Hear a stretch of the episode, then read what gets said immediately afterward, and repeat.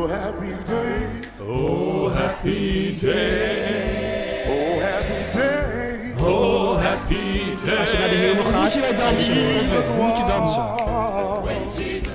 Beetje schudden met je hoofd. Ja, ja. Oké, toen Jullie was zijn wel echt heel wit.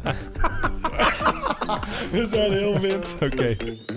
Welkom bij de Goed, Beter, Best podcast van Move. Mijn naam is Henk Jan en als vrolijke PKN'er zoek ik samen met de katholieke Paul en evangelische Godwin uit wat het leven nou goed, beter of best maakt.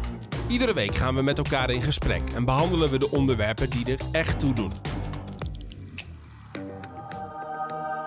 Heerlijk, hele noten. Oké, alternatief intro op hele noten. Maar heerlijk, hele noten, gospel, de katholieke mis. We gaan het hebben over de kerk, want waar Godwin danst en rapt in zijn gemeente, omschrijft Paul zijn diensten als traditioneel. We gaan elkaar proberen te vinden tussen de verschillen door en tegelijkertijd leggen we op tafel wat we totaal niet begrijpen. Kortom, we clashen lekker verder in de zoektocht naar het goede leven. Uh, jee, jee. Uh, mooi mannen. Uh, we vallen er middenin. Het is grappig, we hebben een soort van... Uh, wij hebben elkaar natuurlijk ook leren kennen via deze podcast. Dus als je ons beluistert, zeg maar, onze podcast... dan leer je ons met ons elkaar ook een beetje kennen. Ja. Net zoals wat, wat wij. En tegenwoordig schuiven we dus ook gewoon hier aan... in het centrum van Utrecht... bij het, het kantoor van Move en Living Image... En iedereen komt er nu gewoon een beetje binnenvallen. We pakken koffie. In het begin ga je dan allemaal een beetje... Het voelt steeds vertrouwder, zeg maar. Ja. komt al Bennett met zijn pastor binnen. Neemt nog een, een kind mee van huis. Eh, ja, nee, goud. Ik vind dat heel fijn. Ja, dat kan. Toch? Ja, zeker, zeker. Ja. Ja, leuk. Leuk gasten. Eh, we gaan het hebben over onder meer...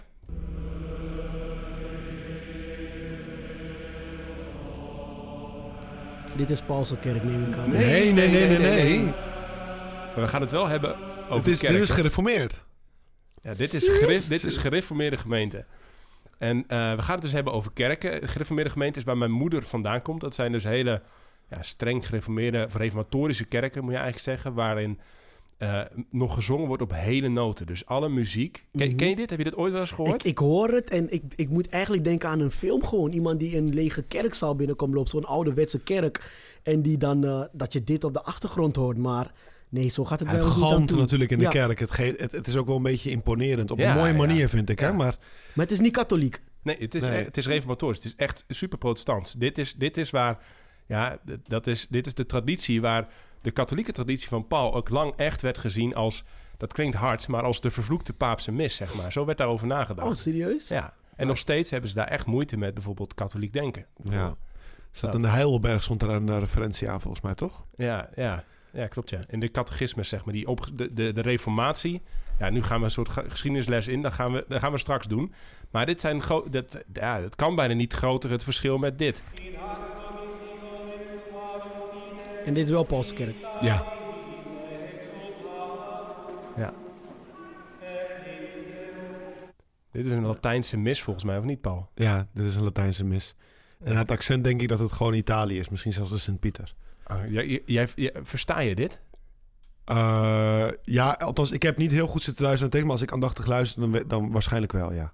Nou, want dit is Latijn, hè? Dit is gewoon... Dit is Wow. 2000 jaar. Eh, Hoe oud is die taal? 2500 jaar? Ja. Ja, het is heel oud en het is natuurlijk ook een taal. Deze taal is niet eh, geëvolueerd. ja. Het is, het is een dode taal, Ja. Ja. omdat er niet gesproken wordt. Hmm. Maar kan, je, Ehm, kan jij Latijns? Ja, ik heb op school gehad en ik ga heel vaak naar, naar, ook naar Latijnse missen. Ook Nederlandstalig, maar ook Latijnse missen. En ik bid ook heel veel gebeden in het Latijn. Ja. Wauw. Wauw, nou, daar gaan we, willen we meer over weten. Want we gaan het dus hebben over kerken vandaag. Hoe speelt de kerk een rol in ons leven? In het goede, betere, beste leven? Ehm, misschien even iets wat meer bij jou. Ik, ik, we hebben gewoon, onze redacteur Jesse heeft wat dingen uitgekozen. Ik weet, is dit, past dit bij jou? Oh, happy day. Oh, happy day. Ik moet zeggen, shout-out naar de redacteur voor deze. Oh, happy day. Jesus was. When Jesus was. Dit is hem helemaal. Hij mag nog een beetje een strakke beat eronder, maar die komt volgens mij later in de muziek. Ja, Ja, maar dit is, nu ben ik thuis, jongens. Nu ben ik thuis. ja man. Ja, dit is hem, man. Ja. Is dit, en, en dit is muziek die bij jou in de kerk nog steeds klinkt? Ook, maar ehm, eh, voornamelijk eh, ook echt vrolijk muziek. En niet alleen dit soort muziek, maar ook, ook bijvoorbeeld wij, heel grappig, maar wij spelen heel veel Nederlandstalige liedjes. Maar dan gewoon met echt een vette drum en muziek eronder gewoon. En dan kom ik soms bij andere kerken. Ik spreek best wel veel bij kerken nu. En dan spe- spelen ze hetzelfde liedje. En dan denk ik, hé, maar wacht even. Volgens mij spelen wij het drie versnellingen sneller. dat lijkt het dan. Maar echt, ja. Maar dit is, eh, ja, Oh Happy Day, dat is hem. Yes. Ja, dit, dit, ik, vind dit, ik vind dit allemaal. Dus ik, ik vind nou ja, goed, we gaan het ook wel hebben over de verschillen en et cetera. Maar ik, ik, ik, ja, van, ik vind het allemaal mooi. Soort Ja. van wat ik nu, nu beluister. Ehm, misschien even, wa- eh, eh, ik had een soort openingsvraagje voor ons eh, allemaal bedacht. Ehm, omschrijf je kerk in drie woorden, Godwin. Familie, plezier en geestelijke groei. Oké, die laatste die voegen we samen en dan is het één woord. Een streepje tussen. maar familie, plezier, geestelijke groei. Ja. Oké, Paul? Familie zit er ook in, absoluut. Ik denk eh, ehm, universeel. Dat betekent katholiek, universeel. Ehm, en traditie. Oké. Ehm, oprecht, Mm. verlangend, Mhm. ehm, worstelend. Komt nu bij me boven. Maar ik, ik zou ook drie andere kunnen vinden, maar dat zijn zo even drie die bij me... Die zou je sowieso even wat, wat, wat meer moeten uitleggen. Vind, dat vind ik wel leuk. Ja, Want die van ons het zijn, sowieso- ja. spreken misschien concreet... dat mensen Ja. wel meteen iets, Ja. be- iets weten wat ze bedoelen. Maar Ja. Nou ja, misschien, ja, dus wel, misschien wel een goeie. Ik zit in een, in een soort vrolijk orthodoxe PKN-kerk, noemen ze dat. Eh, Mhm. Fris orthodox hoorde ik laatst ook. Dus dat betekent dat we geloven in Jezus en engelen en de Bijbel en, eh, en, eh, het hele plaatje, zeg maar.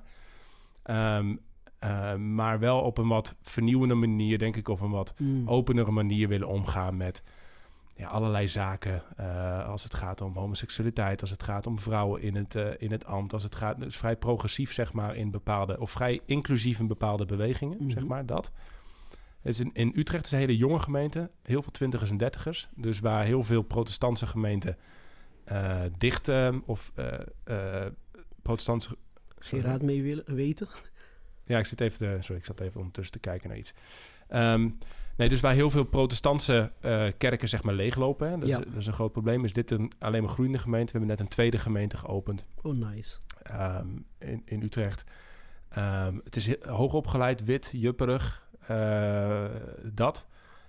Maar, en als we teruggaan naar die woorden waar ik het over had, verlangen. Ik merk dat er een heel sterk verlangen is om meer van Jezus, meer van het evangelie, meer ook zeg maar van hoe, hoe betrek je dat in je leven? Ja. Hoe, hoe ben je nou een, een- ja, hoe volg je Jezus nou op een goede manier? Wat betekent dat nou voor je leven? En eh, mensen daar bewust mee bezig zijn, een verlangen hebben. Ook een verlangen hebben, zeg maar, om in de stad en om, in- om, om hen heen in de wereld, in hun eigen levens impact te maken, van betekenis te zijn, dat vorm te geven, zeg maar. Dus vrij, best wel gericht ook op buiten. En op hey, wat, wat moet je nou met wat je gevonden hebt in, Mhm. in de kerk en in Jezus, et cetera. Dus dat is het verlangen. Eh, wat zei ik nog meer? oprecht, Oprecht. verlangen En en, worstelend. worstelend.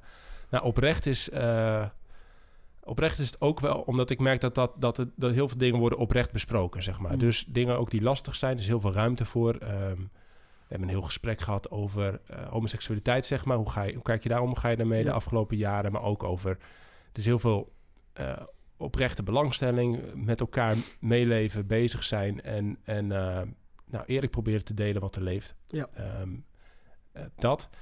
En ehm, eh, de, worstelend is het, is het dus soms ook wel, zeker in de coronatijd. Misschien is dat het ook een beetje. Ik merk dat ik zelf ook wat meer worstel met de kerk.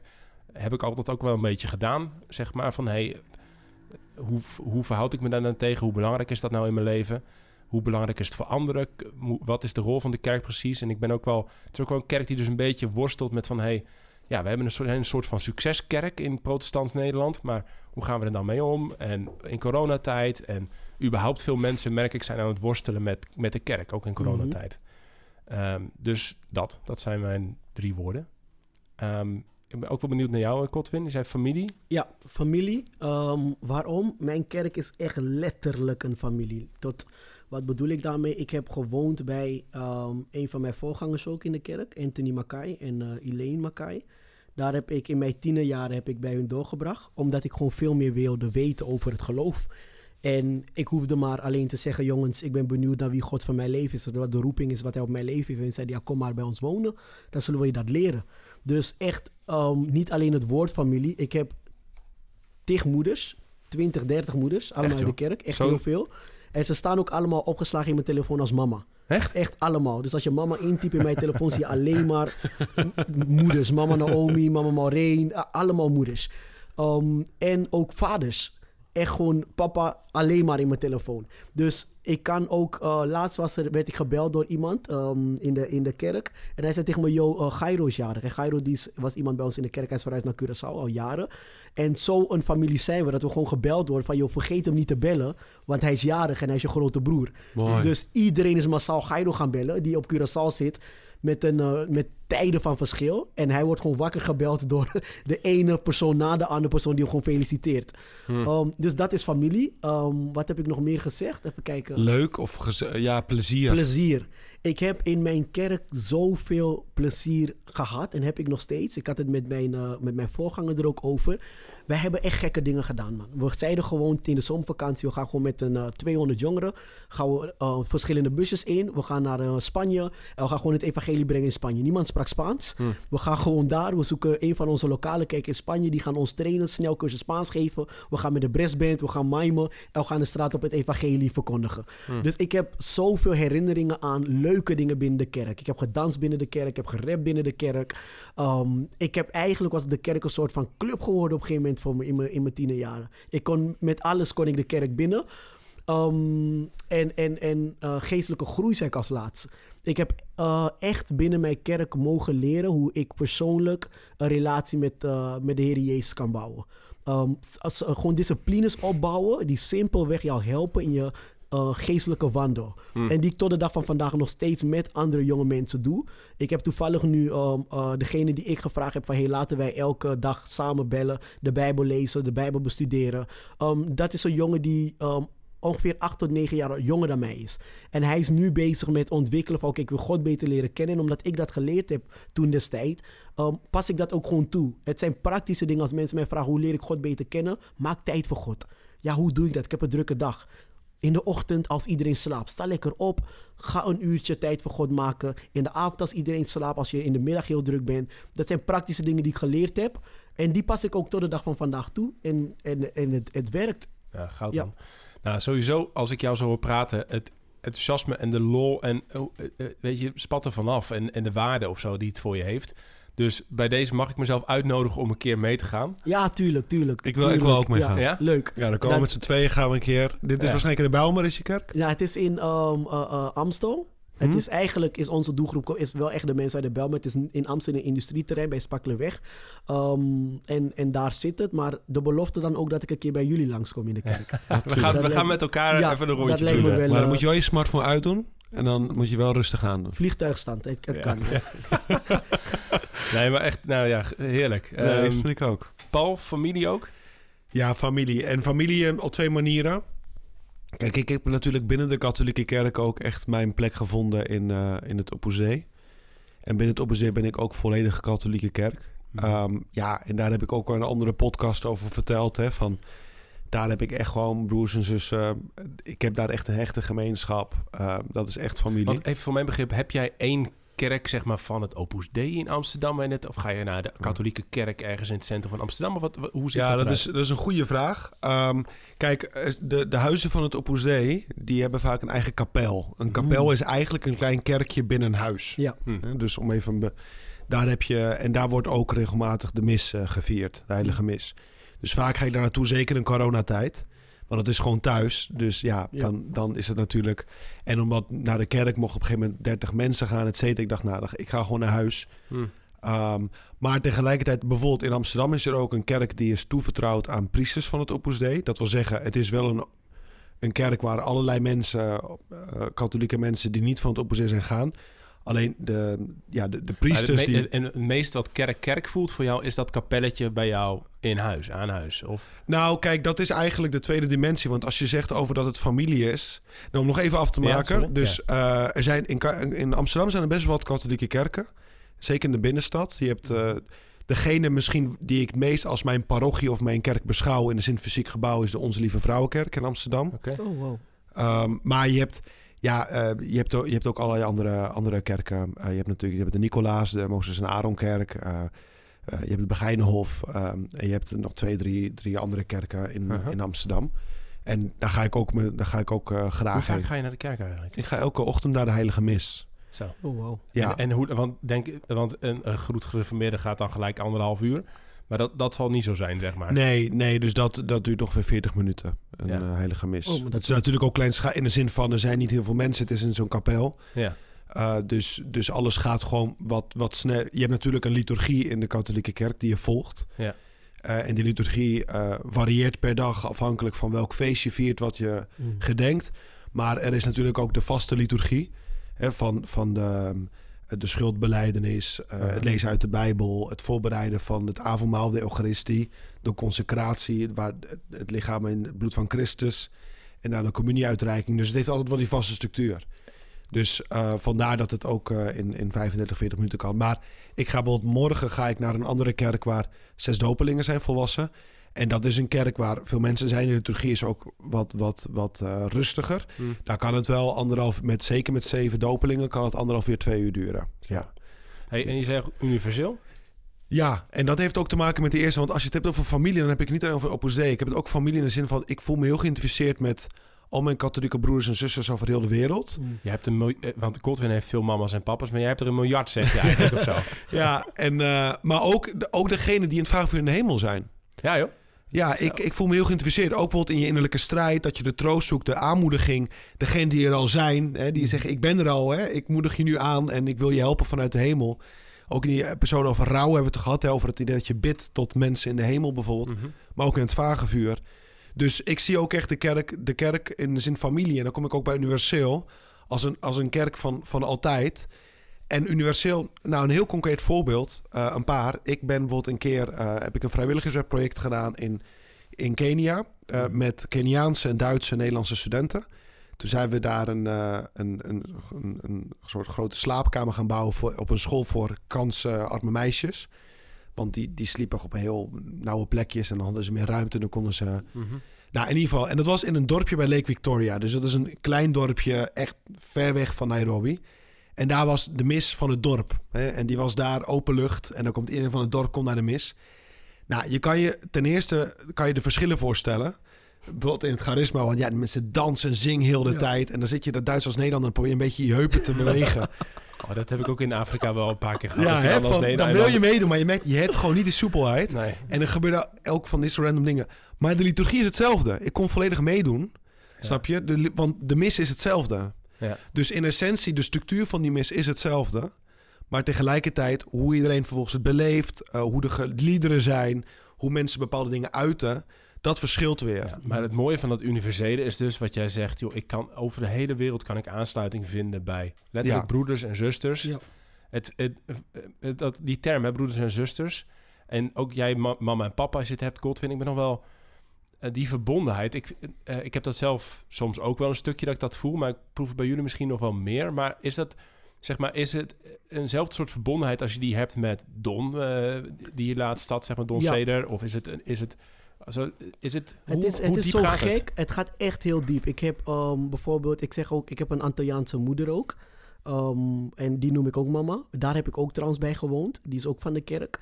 En ehm, op een gegeven moment, zij gaat verhuizen met haar gezin naar Curaçao. En het gaat zo diep dat ze me gewoon belt en zegt van... hey, ik ga je echt missen, want we gaan weg. Maar mochten jullie naar Curaçao komen, hebben jullie een plek waar jullie kunnen blijven. Maar we maken dus letterlijk alles mee van bijna wat... honderden gezinnen gewoon tegelijk. Krijg je gewoon informatie. Ehm, verjaardagen ben je. Toevallig Jay is vandaag jarig. Dat is een van mijn kleine broertjes. Ehm, zijn moeder die, die stuurt mij ook een bericht van... je gefeliciteerd met je broertje. Hmm. Dus gewoon in alles ben je gewoon constant meegenomen. En als je me zou vragen, ja, ehm, als ik bijvoorbeeld Don dan neerzet naast een andere persoon binnen de kerk, dan zie ik daar bijna geen verschil in. Ja, Omdat joh. we zodanig... Maar ben jij zo... Maar ja, dat geloof ik toch niet helemaal. Want ben jij... Even, ja, het klinkt heel erg, maar stel Don zou overlijden. Dan ben je toch veel kapotter van als... Dan, dan, dat ja, tuurlijk wel, want dat, dat is natuurlijk... Hij ja. is de oom waarmee ik ben opgegroeid. Ja. Uh, maar als ik bijvoorbeeld een ander voorbeeld moet geven. Stel dat een van mijn uh, neven overlijdt die ik eigenlijk helemaal niet ken. Zou ik veel kapotter zijn als iemand in de kerk overlijdt die ik wel dagelijks of wekelijks zag. Ja. Dus dan heeft het niet zozeer te maken omdat Don per se familie van mij is. Het heeft te maken met dat ik Don op een dagelijkse basis um, jarenlang heb meegemaakt. Ja, er, is, er is vriendschap ook. Precies, Er is omgang. Wat, wat bij mij het geval is, ik denk dat ik maak wel een onderscheid hoor. De banden, laten we zeggen, je hebt een, een noem het even een, een broederlijkheid van het bloed en van de geest. Hm. Ehm, in principe is die van het bloed vaak veel sterker. Ja. En dat heeft zowel te maken met het feit natuurlijk dat je een, een, de helft of een heel leven met elkaar hebt gedeeld. Uh, plus het tweede natuurlijk ook. Ja, je hebt ook al gewoon heel veel tijd met elkaar doorgebracht. En het zijn, het zijn ook mensen door God geplaatst. Jij hebt jouw broers, zussen, je ouders niet gekozen. Dus je kan ook zeggen, die zijn door God daar geplaatst. Dus daar is dus een heel sterke band mee. Die van het geest is natuurlijk misschien op het affectieve vlak, dus qua emoties, is misschien wat minder sterk. Gewoon simpelweg om bijvoorbeeld, eh, ja, mijn katholieke broers en zusters in een ander land die ik nog nooit heb leren kennen. dat, dat is natuurlijk anders. Maar de geest kan heel sterk zijn. Ja. Ehm, en waar ik dat bijvoorbeeld ook ervaar, en ik ben eigenlijk ook benieuwd hoe jullie dat ervaren. Want dat is iets wat mij geestelijk behoorlijke pijn doet. En dat is een ander soort pijn dan als mijn moeder zou overlijden. Dat is vervolgde christenen. Mhm. Dus bijvoorbeeld, nou, ik ken toevallig ook, ehm, ehm, ik, ken, ik ken wat mensen uit, eh, uit Irak of uit Syrië. Een neef van me heeft in Libanon gewoond. Ik ken ook mensen uit Nigeria. En, en ja, ik vind het ook belangrijk om daarin te verdiepen, om te weten wat die verhalen zijn en wat daar precies gebeurt. En als je ziet hoe die kinderen in, in die kampen, maar ook zie ik hoe zij het geloof beleven en hoe ze erop steunen. Het breekt mijn hart aan de kant. Maar ik zie ook, ze zijn zo, ze zeggen het ook, ze zijn, want je geeft ze materiële hulp als het kan. Uh, in de katholieke wereld heb je bijvoorbeeld kerk in nood, hè, die, die zorgt daar heel veel voor. Um, maar ook het gebed. En ze, ze bedanken daarvoor. Ze zeggen: Dank jullie wel echt Ja. voor jullie gebed. We steunen zoveel op. En het maakt mij wel, het doet me echt heel veel pijn als broers en zusters van me het geloof, omwille van hun geloof, echt vervolgd worden. Ja, en maar dat, jij doet dat echt pijn dus. dat doet pijn, ja. Ja. Dat doet Eh, pijn. Heb jij dat dan, Godwin? Ja, ik, ik leef ehm, ehm, heel erg met ze mee, maar ook mensen vooral dichtbij. Hè? En ik bedoel dat niet zozeer per se in Afrika, maar ehm, in Nederland. Wij, onze kerk die is gericht op eh, ehm, voornamelijk drugsverslaafden en prostituees.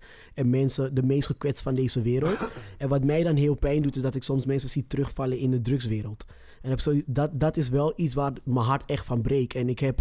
ehm, eh, het is bij mij ook op een gegeven moment heel dichtbij gekomen. Ik had een hele goede vriend. Ik weet niet of ik het ooit verteld heb. Um, maar we zijn samen opgegroeid. Hij was altijd bij me thuis. Um, ik was bij hem. En jaren later, ik heb hem volgens mij twee of drie jaar terug... kwam hij me opzoeken in de kerk. En hij was gewoon heroïneverslaafd. En dat deed me zoveel pijn. Want ik had zoiets van, nou, ik had dat ook kunnen zijn. Ja. Ja. En ehm, we hebben zoveel meegemaakt als kinderen samen. En dan, het, het deed me gewoon enorm veel om hem in die situatie Ja, te zien. En op een gegeven moment ehm, zei ik tegen hem, nou, je kan met ons mee naar huis. En hij zei tegen me, nee, ik wil niet mee, want ik kan niet garant staan voor mezelf. Omdat, ik, omdat afkicken van heroïne, um, um, cold turkey... Hij zei, hij kan dingen gaan doen die hij eigenlijk niet wil doen. Ja. Omdat hij gewoon echt naar buiten wil om dan die aan die heroïne te komen. En wat, wat ik dan merk is dat ik... Dat doet mij echt heel veel pijn om dan te zien dat er gewoon... um, mensen die kapot worden gemaakt door drugs... um, maar eigenlijk toch wel de behoefte hebben om God gewoon te leren kennen en te aanbidden. Ja. En dat is voor mij iets wat heel dichtbij kwam. Ja. Dat is dan ook een beetje, het is wel op een ander vlak dan wat Paul net schetst. Dus Ja. bij jou zit het dan meer zeg maar op mensen in je eigen omgeving. Die, Ja. die ook ergens misschien bij, eh, nou als broeder of zuster voelden waar je ergens mee opgegroeid bent. Maar die, die, nou, die struggelen zeg maar zelf door, de, door Ja. problemen in hun leven. Je hebt het echt over vervolgde christenen zeg maar. Ja, ik, ik, ik heb dat minder dan jou Paul. En ik, ik heb me soms wel eens afgevraagd, zou ik dat niet meer mee moeten voelen? Hè? Met, met soort verbondenheid met christenen over de hele wereld.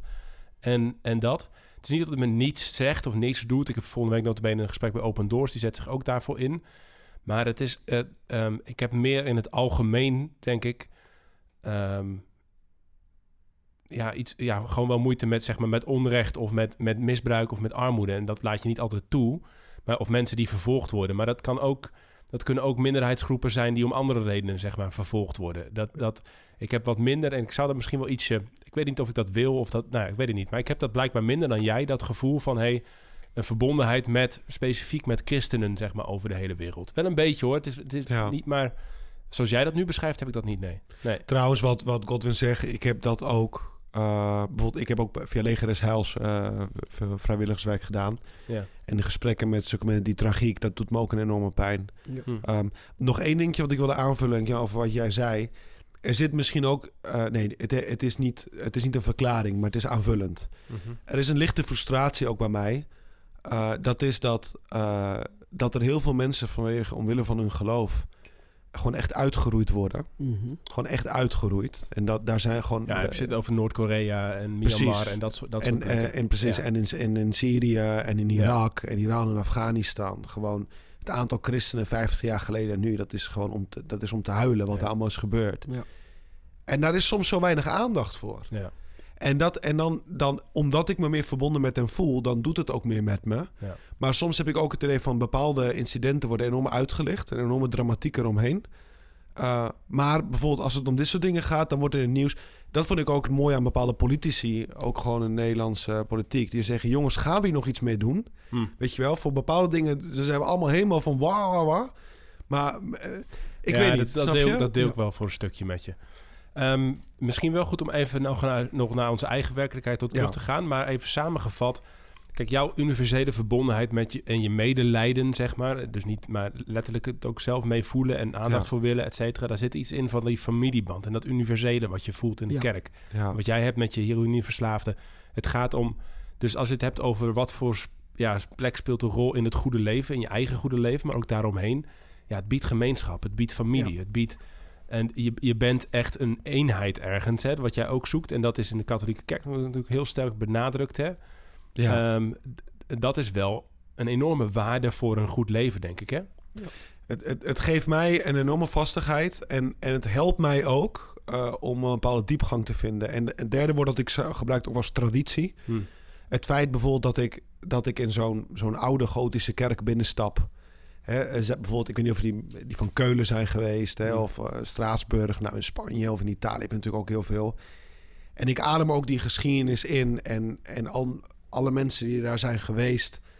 Uh, en daaraan gekoppeld ook wel de, de, die eeuwenoude muziek. Hè. Je liet net een beetje horen, je hebt ook het Gregoriaans. Hè. Dat, Hmm. dat, dat, dat, dat is denk ik ook iets wat gereformeerd op zich wel zou kunnen waarderen waarschijnlijk. Hm.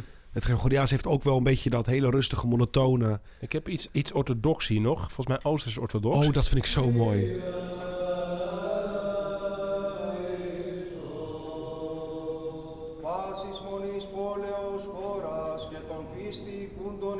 Dit, is Grieks, denk ik. Ja, het is Grieks-orthodox volgens mij. Als ik één suggestie mag doen, de Wespers van Rachmaninov. Oké. Dat is, Rachmaninov is een, is een, is een, een componist. Mhm. uit, eh, is een late romanticus, dus dat is 19e eeuw. Russisch. En de Vespers, dat zijn van, weet je wat Vespers zijn? Dat zijn van die liturgische gezang. Die heb je Ja. ook in de westerse traditie. Ja. Maar dan heb je de Russische, de Oosterse Vespers gezongen daar. Met van die prachtige, zwaar Russische stemmen. Oh, ja. Ik word dan helemaal mystiek, jongen. Ik vind dat zo ik, mooi. Ik, ik vind het al moeilijk om in te beelden een Rus die heel romantisch is en hoe hij dat... Ah, Russen zijn romantisch, man. Ja. Ja, Russen maar je echt- moet romantiek niet alleen als een soort die liefdevolle zoetsappigheid. Mhm. Maar romantiek is ook een soort van is een beweging in de kunst en in de muziek, hè? Aha, Oké. Dus dat maar is ook, maar überhaupt Russen zijn, Russen zijn ja, nostalgisch, melancholiek, romantisch van inborst ook ergens. Absoluut hoor. De grote schrijvers en de grote muziek, zeg maar, daar eh, de- de- uit die contraien. Ja, dat is... Het is een beetje koud en, en, en, en ze lijken een beetje star en ze drinken te veel wodka. Maar de, die inborst, die- daar Ja, kun je wel wat mee. Godwin. Dat is waar. Ja. En zulke muziek, dat, dat geeft me ook dat, dat hunkeren naar eeuwigheid. Oh. Weet je wel, Mm. dat, dat, Ja. dat, je, dat, dat je ook even de aarde, dat, dat je even de aarde en de hemel een beetje bij elkaar komen. Ja, Snap je? ja. En dat, Ja. dat hey mannen, ik, eh, wat is de ware kerk? Oh, wauw. Wat Is er een ware ware kerk? Nou, ik, ik denk het niet. Nee? Ja, ik denk als ik in de hemel ben dat ik de ware kerk heb gevonden. Oké. Maar ehm, is er een ware kerk? Nou, Is, het, is het de kerk van dit? Oh, happy day. ik, denk ik denk dat dit dat, dat een deel zal zijn hiervan. Oké. Of is het... Hebben deze gelijk?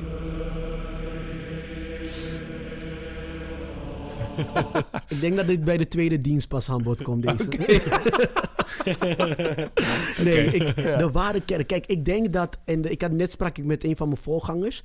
Ik denk dat in elke kerk heb je altijd wel mogelijkheid voor groei. Ja. Ik denk dat er altijd wel dingen zijn die... ehm, soms komen mensen bij mij in de kerk... Nou, wat een geweldige kerk. En ehm, eh, ik voel me echt thuis. En wat zijn jullie allemaal vriendelijk. En het neemt wat om daar te komen. Ja. Maar tegelijkertijd, omdat we zo verbonden zijn met elkaar... hoeft er maar één ding te gebeuren. En iemand voelt zich gekwetst. En iemand voelt zich um, afgestoten. Iemand voelt zich niet meer welkom. En daar ben je dan eigenlijk continu mee bezig. Ja. Dus ik denk dat elke kerk, en ik hoop dat wij in Nederland naar, hier naartoe kunnen gaan, is dat we eigenlijk niet bang zijn om mensen te zeggen: hey, weet je wat, misschien ben je hier in de kerk, maar ik denk dat er een kerk bij jou past en dat is de kerk aan de overkant. Ah ja. Nee, want dat is wel gelijk een goed punt. Kijk, waar ik even naartoe wil is...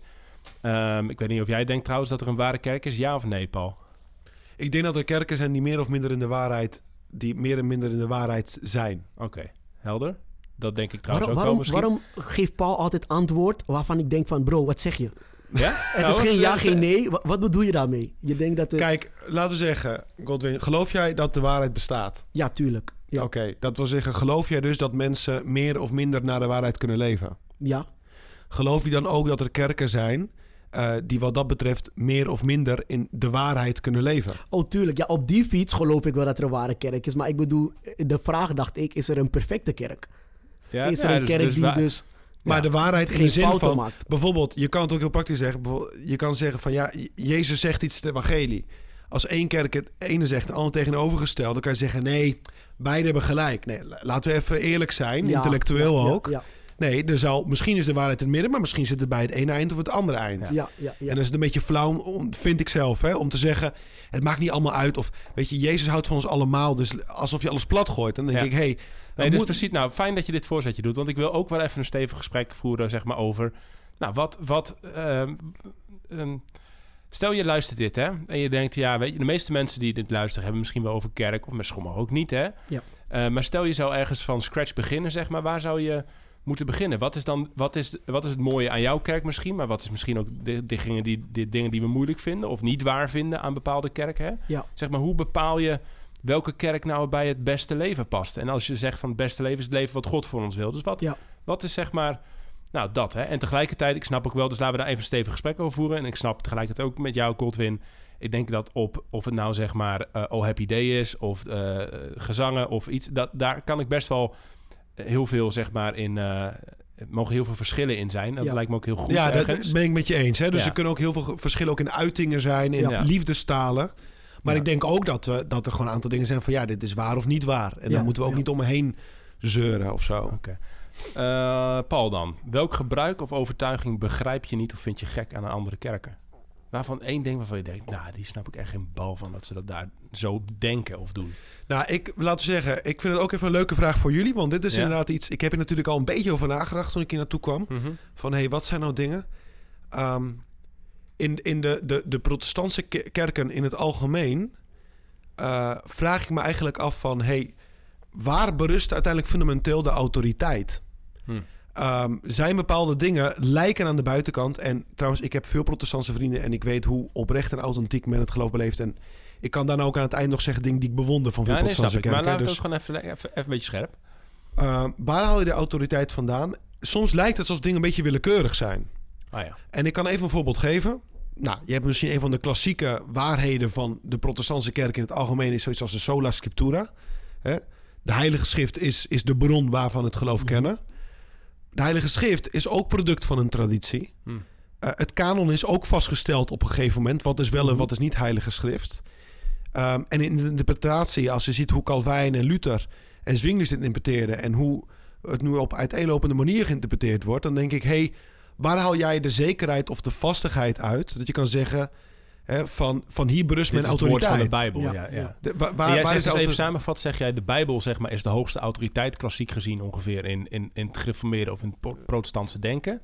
Maar ook die Bijbel is een product van, al, van de geschiedenis en, eh, en verschillende interpretaties zijn daarop, ook in de Nou, ik, ik, geloof, ik geloof in de waarheid van de Heilige Schrift. Maar het Ja. gaat mij... Kijk, ik geloof in traditie. En ik geloof in, in dat, dat de kerk ook... In het Latijn noem je het depositum fidei. Depositum komt van het... Hoe zeg je depositum in het Nederlands? De, de, de- degene die, die, die eh, het geloof moet waarborgen. Mhm. Hè, dus dat wat aan Petrus en al zijn op, en en al hun opvolgers is, is... En dan op een gegeven moment heb je Luther en die zegt... nee, dit is allemaal gecorrumpeerd ge- geraakt. Hè, van we moeten weer op terug naar die authentieke oorspronkelijke bron. Oké, maar, maar hoe ga je dat dan bepalen? Want feitelijk, alles wat je tot nu hebt geleerd over het geloof... is, is op basis van een traditie... die op een gegeven moment ook op geschrift is gezet. Waar ik volledig in geloof. Ja. Ik bagatelliseer de Bijbel niet. Nee, oké. Sna- Ja. Snap je een beetje waar ik naartoe ga? Van, waar komt de autoriteit vandaan? Ja, en voor jou is dat heel belangrijk, blijkbaar. En in de katholieke traditie voor meer, omdat de autoriteit dan bij jullie rust, zeg maar, bij de, bij de schrift, bij de traditie ook. En ook bij de, bij de kerkelijke leiding, bij de paus. ja, toch? en natuurlijk ook in het eigen geweten. Hè? Maar, ja.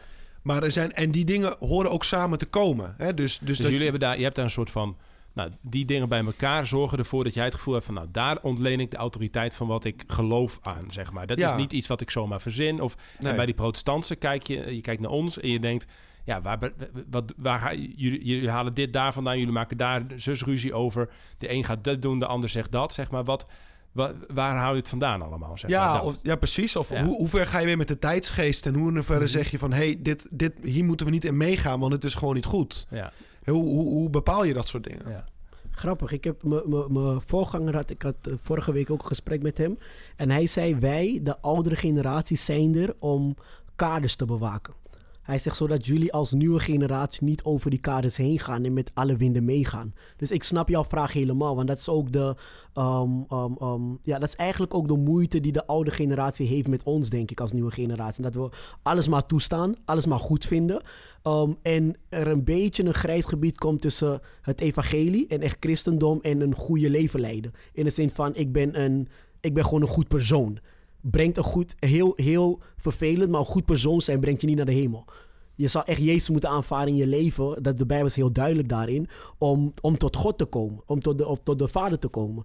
Dus dat is wel een gebied waar ik toevallig gesprek met mijn voorganger over heb gehad. Over, maar hoe ga je daarmee om als En wat is dan, wat nieuwe is dan generatie? want jij zegt een deel van de autoriteit waar Paul het dus over heeft, die ligt bij die kerkleiding dan ook bij jou, zeg maar. Ja, bij mij, ik geloof ook wel dat, er, ehm, dat, er, dat ze niet voor niets mij zijn voorgegaan. Dus ik geloof ook wel dat de oudsten in de kerk, de voorgangers, de pastors, ehm, evangelisten, eh, profeten, noem het maar op. Ik geloof dat de oude generatie eh, heel veel geleerd heeft waar, waarvan ik kan leren. Als je kijkt naar het verhaal van eh, Mozes op een gegeven moment, ehm, en Joshua heeft dat ook gedaan, hebben ze allemaal stenen gezet. En God zei toen tegen ze, ehm, als jullie kinderen vragen waarom heb je dat gedaan, dan zou je ze moeten vertellen over, ehm, over de wonderen die ik toen de tijd heb gedaan. Dus het is een, een, een, een, een, eigenlijk is het een, een gedenkmoment van hé, hey, maar wie was God voor ons? Wie is hij voor ons? Wat heeft hij gedaan? Hoe groot is hij? En ik heb dat nooit meegemaakt, bepaalde wonderen. Ja. De um, Joshua had dat nooit meegemaakt, maar um, Mozes wel.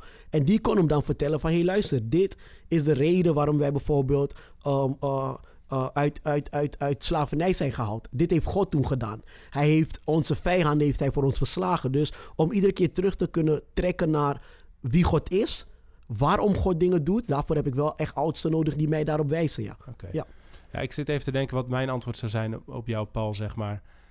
Ehm, ja, een, een beetje een, een, mix, zeg maar. Hè? Kijk, ik, ik vind het ook wel lekker dat wij protestanten niet daar een of andere, eh, nou, dit, te plat, maar paus in Rome hebben zitten, zeg maar, die, die zit te bepalen waar iedereen zich aan moet houden. En nu zit er volgens mij op dit moment een hele goede paus in Rome. Dat, dat, eh, dat maar het, ik heb het ook wel, zeg maar, met eerdere dingen en met eerdere keuzes ja, kijk je ook wel naar en denk je, ja, daar heb ik wel moeite mee of zo, zeg maar. Of ehm, eh, ja, allerlei tra- katholieke tradities ook. Daar kan ik zo meteen ook wel iets over delen, waar ik ook wel wat moeite mee heb. Of, of dingen in de evangelische wereld, dat ik ook echt denk van, waarom, weet je wel? Dus, maar, maar zeg maar daarover denk ik van, nou, ehm, ehm, ik vind het dus ergens prettiger dat, dat of, of ja, prettiger, ik vind het belangrijk ergens dat de autoriteit ehm, ehm, ja, zich eerder, eerder misschien inderdaad bevindt in de Bijbel en, en de persoonlijke geweten, de persoonlijke verhouding van een mens ten opzichte van God. En ehm, eh, dat. Plus denk ik dat het wel nodig is om in een. eh, Je doet er wijs aan om, da- om, dat, om daarnaast een stuk autoriteit ook wel degelijk bij oudere generaties of in het kerkverband of bij oudsten, bij ouderlingen, mensen, dominees, die zijn in die lokale context, zeg maar, geroepen zijn om daar leiding aan te geven. En ook dat, zeg maar. Ik, er zijn ook allerlei voorbeelden, met name denk ik ook in de evangelische wereld, waarin mensen inderdaad gewoon zomaar een, Ja. een kerkje beginnen en Ja. daar en daar en iets gaan verkondigen. En Ja. daar, gaan ook, daar gaan ook allerlei dingen mis natuurlijk, omdat er helemaal geen controle of geen, ja, geen sturing is op de inhoud en op, hoe op machtsstructuren, et cetera. Dat, hè. Ehm, dus ik zou niet willen pleiten voor een wereld zonder of voor een kerk zonder autoriteit. Alleen omdat, omdat over een hele. Ja, ik vind het heel mooi ergens aan de katholieke kerk, maar ik vind het ook problematisch of zo. Weet je wel? Dat dat allemaal op, in één grote kerk moet zijn met één hoofd, zeg maar. Ja, vind ik ook op een gekke manier ook weer kwetsbaar. Is het voor jou dan belemmerend ook? Heb je dat gevoel? Dat je dan niet meer kan doen of dat je vastzit? Omdat als de paus zegt je moet A doen, dat je dan ook alleen A mag doen en niet verder kan? Nou ja, ergens zeg maar. In de, in de, in de geschiedenis natuurlijk heel vaak hebben allerlei groepen christenen zich afgezet tegen bepaalde dingen die in de kerk gebeurden. Ja. En eh, heb je heel veel verschillende interpretaties gehad van wat de kerk moet zijn en wat, het ware geloof is en hoe, dat, Ja. hoe je dat uit, uit zeg maar. Ehm, maar ik denk dat, dat de reformatie, dus de, de gereformeerde protestantse traditie, een hele goede tegenbeweging was, zeg maar. Tegen een, een, een katholieke kerk die corrupt was op veel vlakken, zeg maar. En ehm, eh, destijds, hè. En ehm, eh, dat, het, dat, het, dat daar ook iets in zit van... Hey, een mens mag ook voor zichzelf, met, met, zijn- met, moet zich verhouden tot God... en met een andere groep mensen, zeg maar... ja, daar, eh, daar een theologie en een, en een praktijk aan verbinden, zeg maar... die, die goed is voor hem of Ja. zo. Ja. En omdat allemaal, zeg maar... de katholieke kerk heeft natuurlijk altijd alles onder één dak proberen te houden, zeg maar. Ja, als dat dak lekt, als dat dak rot is... wat in het verleden ook was, dan heb je wel een probleem. Misschien is dat het. ja, klopt. Dan kan je nog de afvragen van... moet je dan weggaan of moet je proberen het dak te repareren van binnen? Ja, dat, deed, dat Ja. probeerde Luther, maar dat, dat, dat ging niet echt. Er was niet veel ruimte voor. Ja, ja dat, dat, dat is aan de ene kant waar. Maar aan de andere kant eh, Ja. eh, had het ook wel gekund. Want er zijn ook anderen geweest eh, die wel binnen de kerk zijn geweest. Ja. Ook in de geschiedenis. Ehm, en die, die hebben uiteindelijk wel heel veel verandering teweeggebracht. Maar ik vind het een heel legitiem punt. Maar dan vraag ik me nog steeds af... Want er zit ook gewoon uiteindelijk ten dienste dan... Zit, zit er, bij u het formuleert... zit er gewoon een bepaalde vrijzinnigheid in. In de zin van...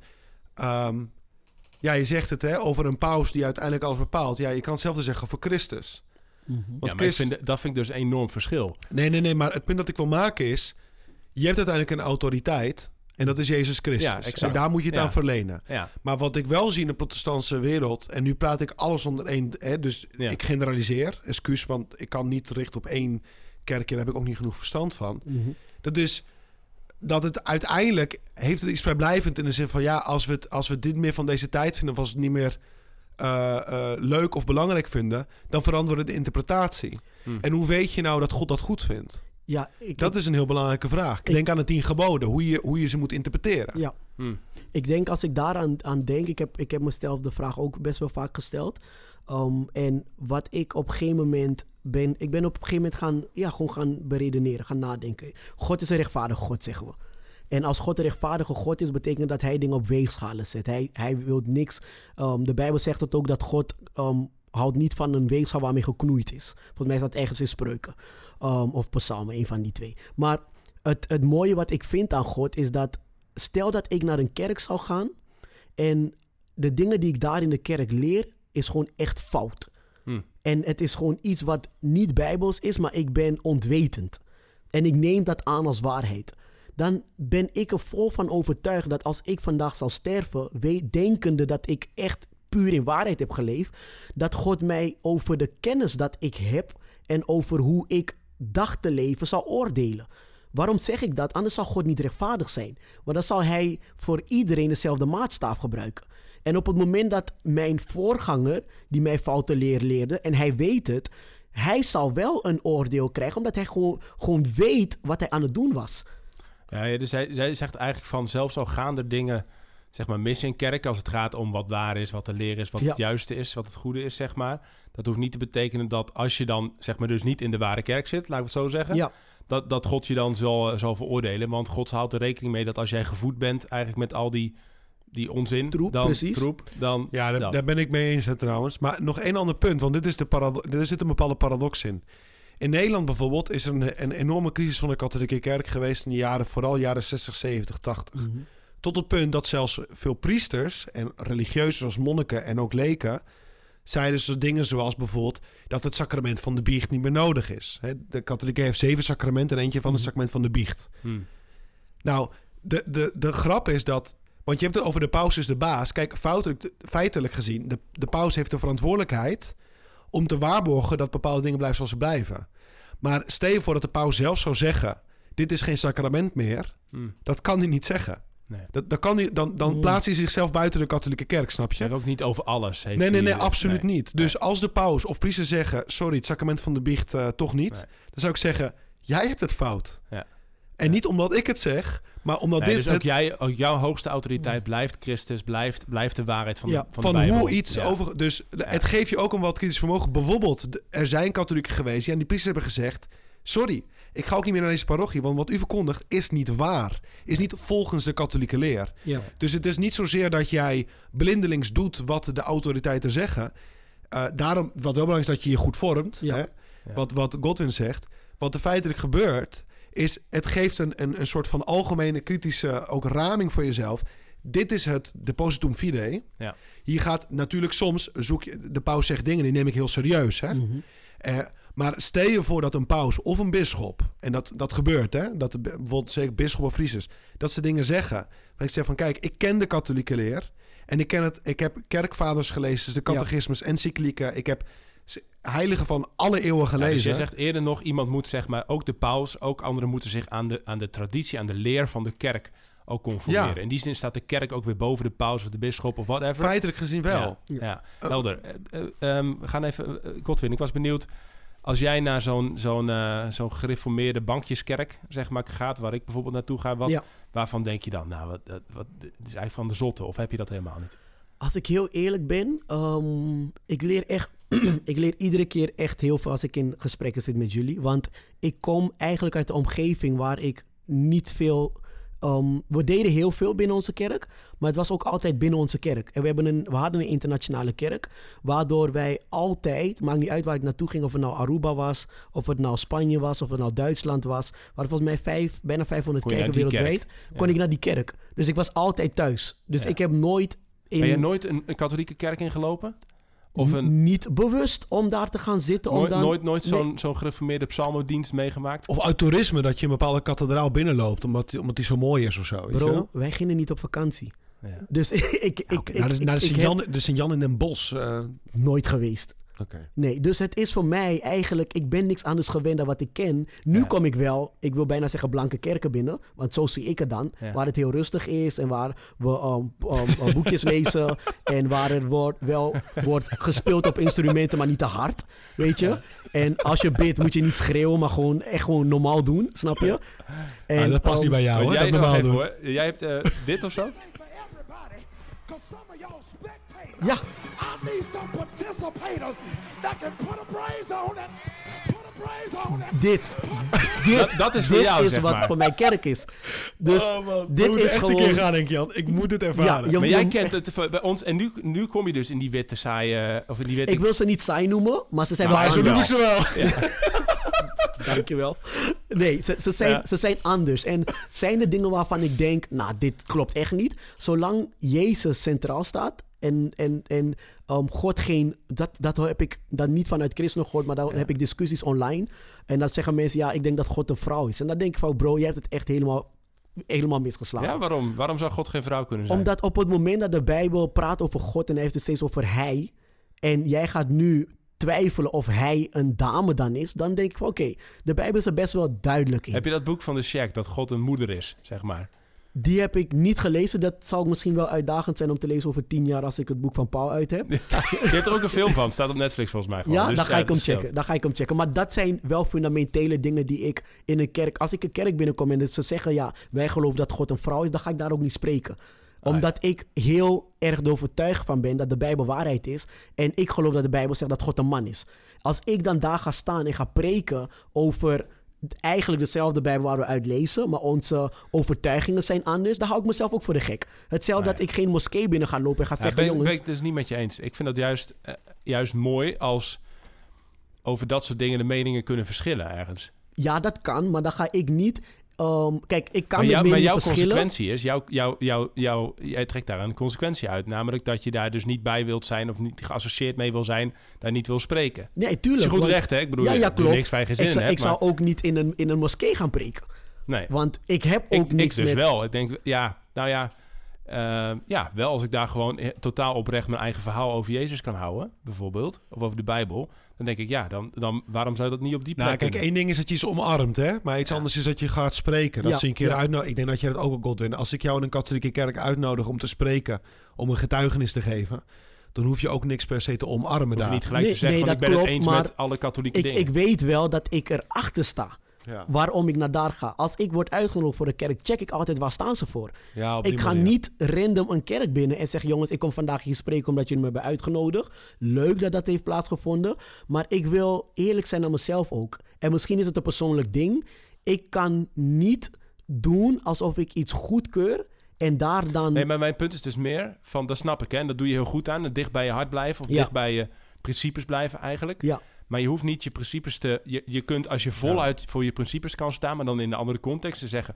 prima, jullie denken dat God een vrouw is. Denk ik absoluut niet zo oneens eh, dat. ja, Maar eh, ik, ik hou ook van Jezus. En ik, ik heb hier een verhaal vanuit mezelf. Doe ermee wat je wil, zeg maar. Dat. ja. Ja, dan, dan hoef je niet je principe... Je hoeft niet direct alles te omarmen, zeg maar, van, van zo'n kerk ja dan. klopt. Maar daar hoef ik ook niet per se daar te staan, denk Nee. ik. Want daar heb ik ze niks te leren, Ja. denk ik. En, Hey, en, en wat even, sorry, nog even terug zeg maar naar, want je zei net van, van eh, het, bij jou gaat het dus echt zeg maar om, om, om de juiste kerk of de goede kerk gaat het van, van past het zeg maar binnen, binnen wat de Bijbel zegt voor jou, Ja. binnen, binnen wie Jezus is voor jou Ja. en daar, daar wil je in aanwezig zijn en Ja. bij zijn en of het dan eh, toevallig ook een hele saaie kerk is met, eh, met, eh, met, met, met, eh, psalmboekjes en zachte instrumenten, dat, dat mag dan wel, Ja, zeg dat ma- maar, dat mag wel, maar het ja, past niet ja. helemaal bij je. zeg nee, maar. nee, het, het is niet een kerk wat ik elke week zou gaan bezoeken. Maar het mag wel. Geef mij liever een lekker uitbundige kerk.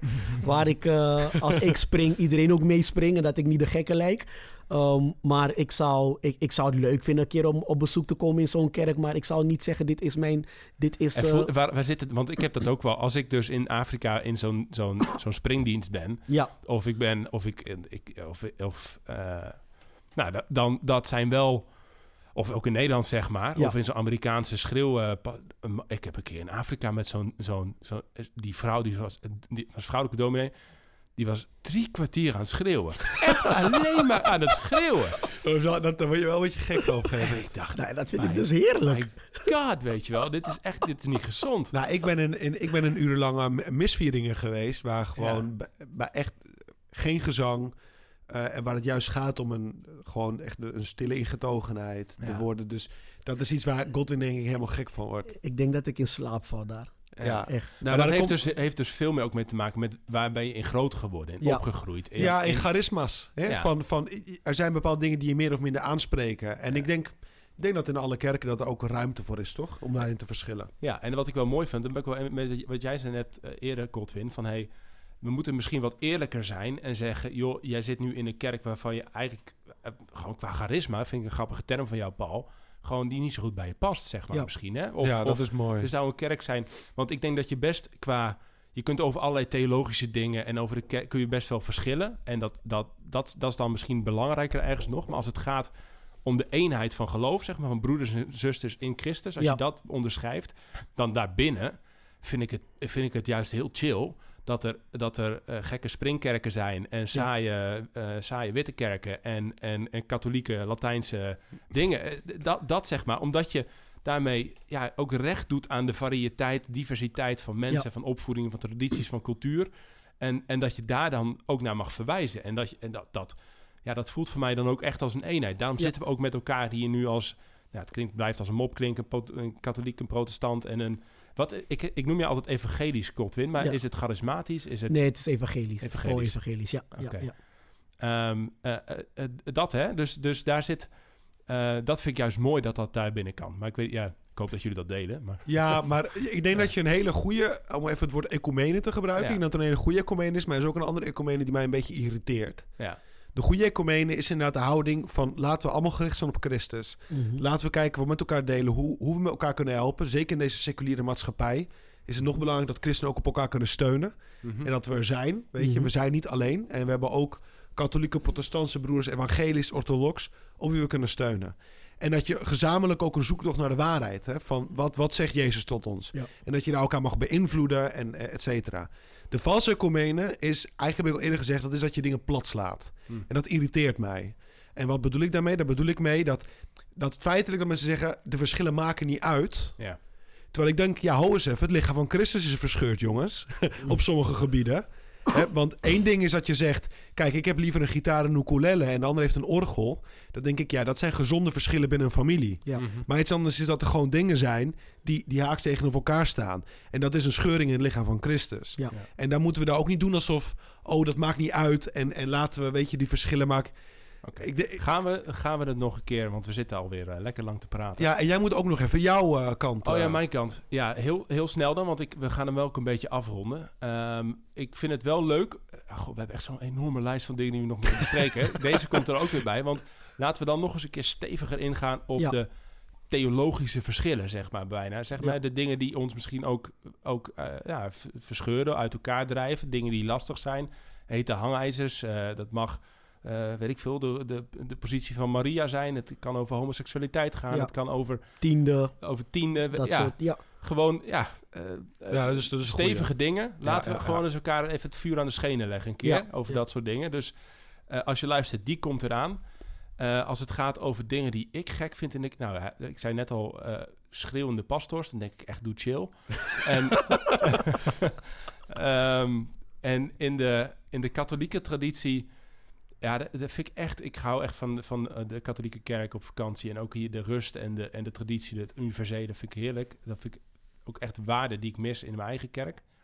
Ehm, ik, ik vind, eh, er zit ehm, wat voor mij soms een beetje ja, oneerbiedig, maar bijgeloof voelt, zeg maar.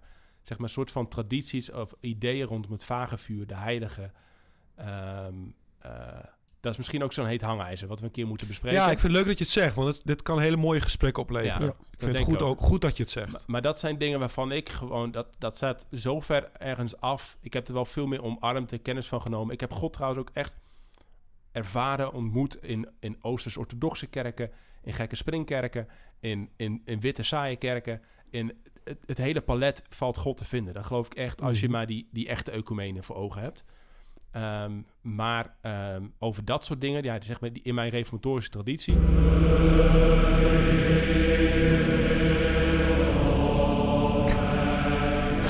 dat is, ik, ik ben niet in de Gergem opgegroeid. Dit komt uit de gereformeerde gemeente, dit stukje. Ik ben in een veel vrijere eh, protestantse traditie opgegroeid. Maar mijn moeder komt hier vandaan. Ik ken dit wel goed. Daar staan heiligen, eh, Maria, het vagevuur, eh de, de eu- verschil in het de Eucharistie, Christus, die letterlijk dan zegt dat, dat soort dingen. Dat staat wel echt ver. eh, ergens nog een stuk van me af of zo. Mm. Dus dat, nou, laten we daar ehm, over doorpraten, mannen. Ja, Ja. dat lijkt me heel goed. En Ja. eh, dat is denk ik ook gewoon mooi om te delen in het algemeen. Dat soms, ik denk ook tegenwoordig in de maatschappij zijn we wel een beetje van die softies geworden die de confrontatie soms niet durven aan te gaan. Oké. Ehm, eh, eh, of op heel veel gebieden, hè, denk ik. En wat ik waardeer van, van zo'n setting is, je kan met heel veel respect, kan je ook elkaar confronteren met dingen waar je het niet mee eens bent. Ja. Dingen waar je de naam noemen. En dat, en dat gaat echt helpen om, om, het, om het beste leven te... Nou, ik, stel, ik stel voor, we gaan drie, alle, allemaal één heet hangijzer naar voren schuiven. Ehm, en dan gaan we daar een aflevering over maken. Leuk. Mooi. Ja, maar dan wel met de Bijbel erbij. Oké. Ja, nee, Dus- absoluut. Dus de ik absoluut. denk en ik vind, Ja. laten wij, hoe vervelend dat ook is, dat gewoon ehm, ook gewoon laten. Maar wel gewoon bijbels. Van, maar al vind ik het niet, de Bijbel zegt het wel. Ja, dat vind ik een Ja. hele goeie. En dan Godwin de Willybroers, eh, de Willybroers vertaling, please. Want dat is de echte... eh, Geen King James of iets dergelijks, dat soort dingen. Nee, nee, gewoon de, Willybroers. New King James. ik, ik, pak er gewoon een kinder, ik pak er gewoon een kinderbijbel bij. Dat is veel chiller. Oké. Ik vond het leuk. eh, de kerk, het is moeilijk. We, we- ach man, we kunnen nog zoveel over praten. Kerk en coronatijd, worstelingen, dingen, et cetera. We, we zijn een beetje afgedaald op verschillende terreinen. Maar ik vond het toch inspirerend om met jullie over de Ja. kerk te hebben. Het is een belangrijke plek voor heel veel mensen. Als christen is het fijn om niet alleen te geloven. Het samen te doen. En eh, nou, mooi. Eh, zullen we nog één keer met deze eindigen? Oh, happy day. Oh, happy day. Oh, happy day. Oh, happy day. Als je naar de hemel gaat, Moet je bij dansen? Moet je dansen? Beetje schudden met je hoofd. Ja, ja. Oké, Jullie was zijn wel echt heel wit. We zijn heel wit. Oké, ciao mensen. Tof dat je luisterde naar de Goed, Beter, Best podcast. We hopen uiteraard dat je hebt genoten. En je kunt ons helpen en op de hoogte blijven door ons te volgen op Spotify, Apple Podcast of Google. En het te delen met vrienden, familie en iedereen die dit moet horen. We zijn er volgende week weer en we zien je dan heel graag terug.